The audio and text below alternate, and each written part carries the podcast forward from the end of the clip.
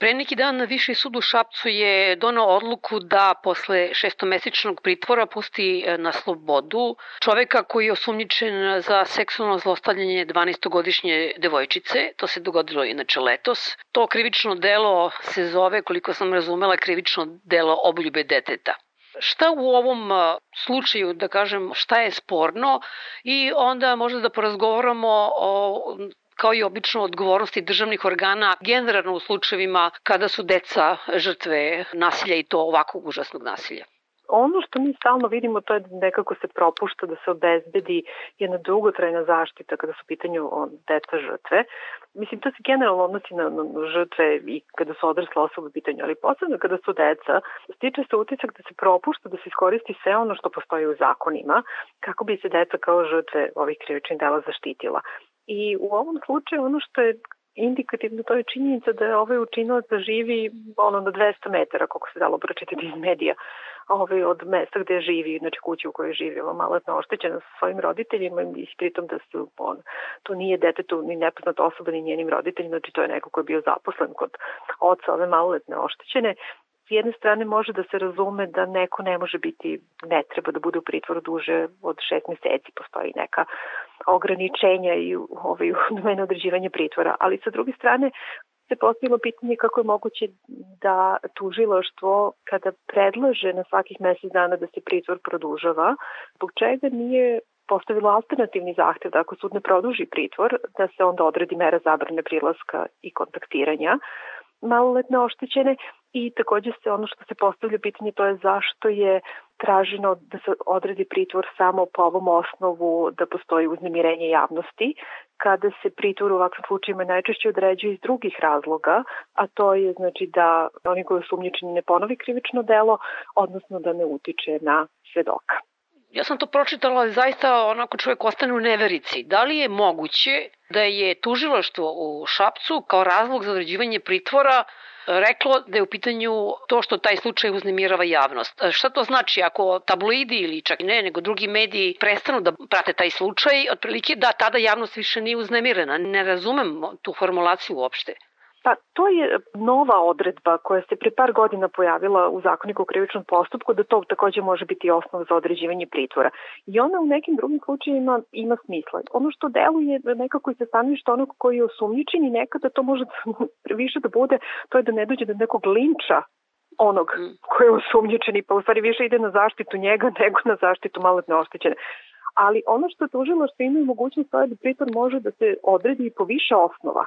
Znači ne mora po samo jednom. Naravno da su mediji pisali o tome kada se to delo desilo i da je bilo ozbiljno uznemirenost javnosti, nije to sporno ali zbog čega se išlo samo na taj osnovu, ne na druge osnove koji su održivi, koji su životni, koji se inače primenjuju u ovakvim slučajevima. To je ono što se postavlja pitanje, a sa druge strane kada je ovo je uvedeno kao osnov za određivanje pritvora, možemo postaviti pitanje, a na koji način su onda da. tužioci i sudije edukovani, u kojim slučajevima na koji način se to primenjuje, da li kao samostalno ili uz još neki drugi osnov, zato što je bilo drugih osnova za određivanje pritvora, kao u svakom slučaju silovanjem i uvek imate osnov to da ne ponovi delo ili da ne utiče na svedoke.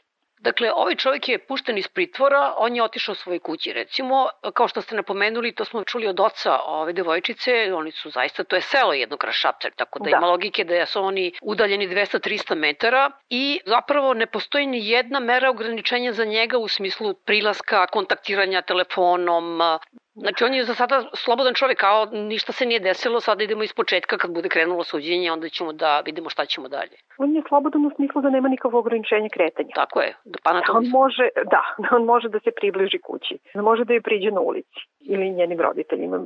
Potpuno nema nikakvu zabranu. I to je ono što je poražavajuće.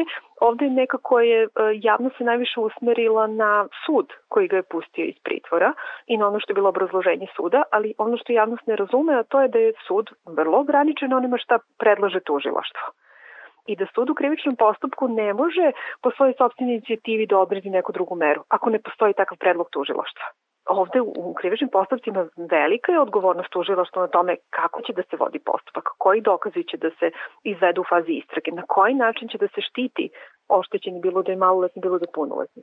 Tužilaštvo je dužno da predloži sudu. Ako tužilaštvo predloži, a sud odbije, onda možemo kažemo jeste, postoji krivica kod suda. Ali ako tužilaštvo to ni ne predloži, onda je odgovornost na tužilaštvu po svedočenju oca ove devojčice, što je logično, njoj je potrebna i već dobija psihijatrijsku pomoć ili, ili bolnića psihologa, oni će snositi, ajde tako da kažem, ne samo sad tu traumu koja traje, nego i sve, tako da kažem, materijalne posledice toga. Mislim, država tako nema nikakvog obaveza u ovom slučaju da toj devojčici plaća terapiju, recimo. Ono što država radi jeste da upućuje na ono što je besplatno i što je moguće u zajednici, a skromni su resursi. Ako postoji savjetovalište pri centru socijalne pa da imate dečeg psihologa ili u domu zdravlja da imate opet savjetovalište za mlade, pa da imate dečeg psihologa koji mogu da radi, ali opet u ovako specifičnim slučajima gde u pitanju seksualno nasilje, vi morate da imate specijalizovanog dečeg psihologa koji zna da radi sa traumom, mislim, ovo je bilo silovanje, silovanje deteta. Znači mi skoro i da nemamo stručnjake iz te oblasti. Znači ono što smo imali kao Incest Trauma centar koji je pružao pomoć i podršku deci koje su preživjela seksualno nasilje, nažalost, zbog mislim, kulture u ovoj državi da se negira da su deca ono kao žrtve seksualnog nasilja i od poznatih i od nepoznatih, osoba, znači je prosto nisu mogli da nastave ono svoj rad, a nekako su oni nama ovde bili jedine ta organizacija koje smo mogli da upućujemo sa sigurnošću da će da dobro rade ono sa decom na pomognu deci, tako da je sad ono svede se na to da da roditelji onda traže pomoć tamo gde mogu da nađu da tu pomoć onda plaćaju privatno ako i uspeju da nađu neko ko može adekvatno da radi sa detetom. Opet se vraćamo sada na tužilaštvo i na to znači da u krivičnom postupku bi ako se pri prikupe dokazi ako tužilaštvo obavesti ono roditelji kaže aha sve to što je ste plaćali od terapije, sve što je bilo što ste morali dodatno platite da bi dete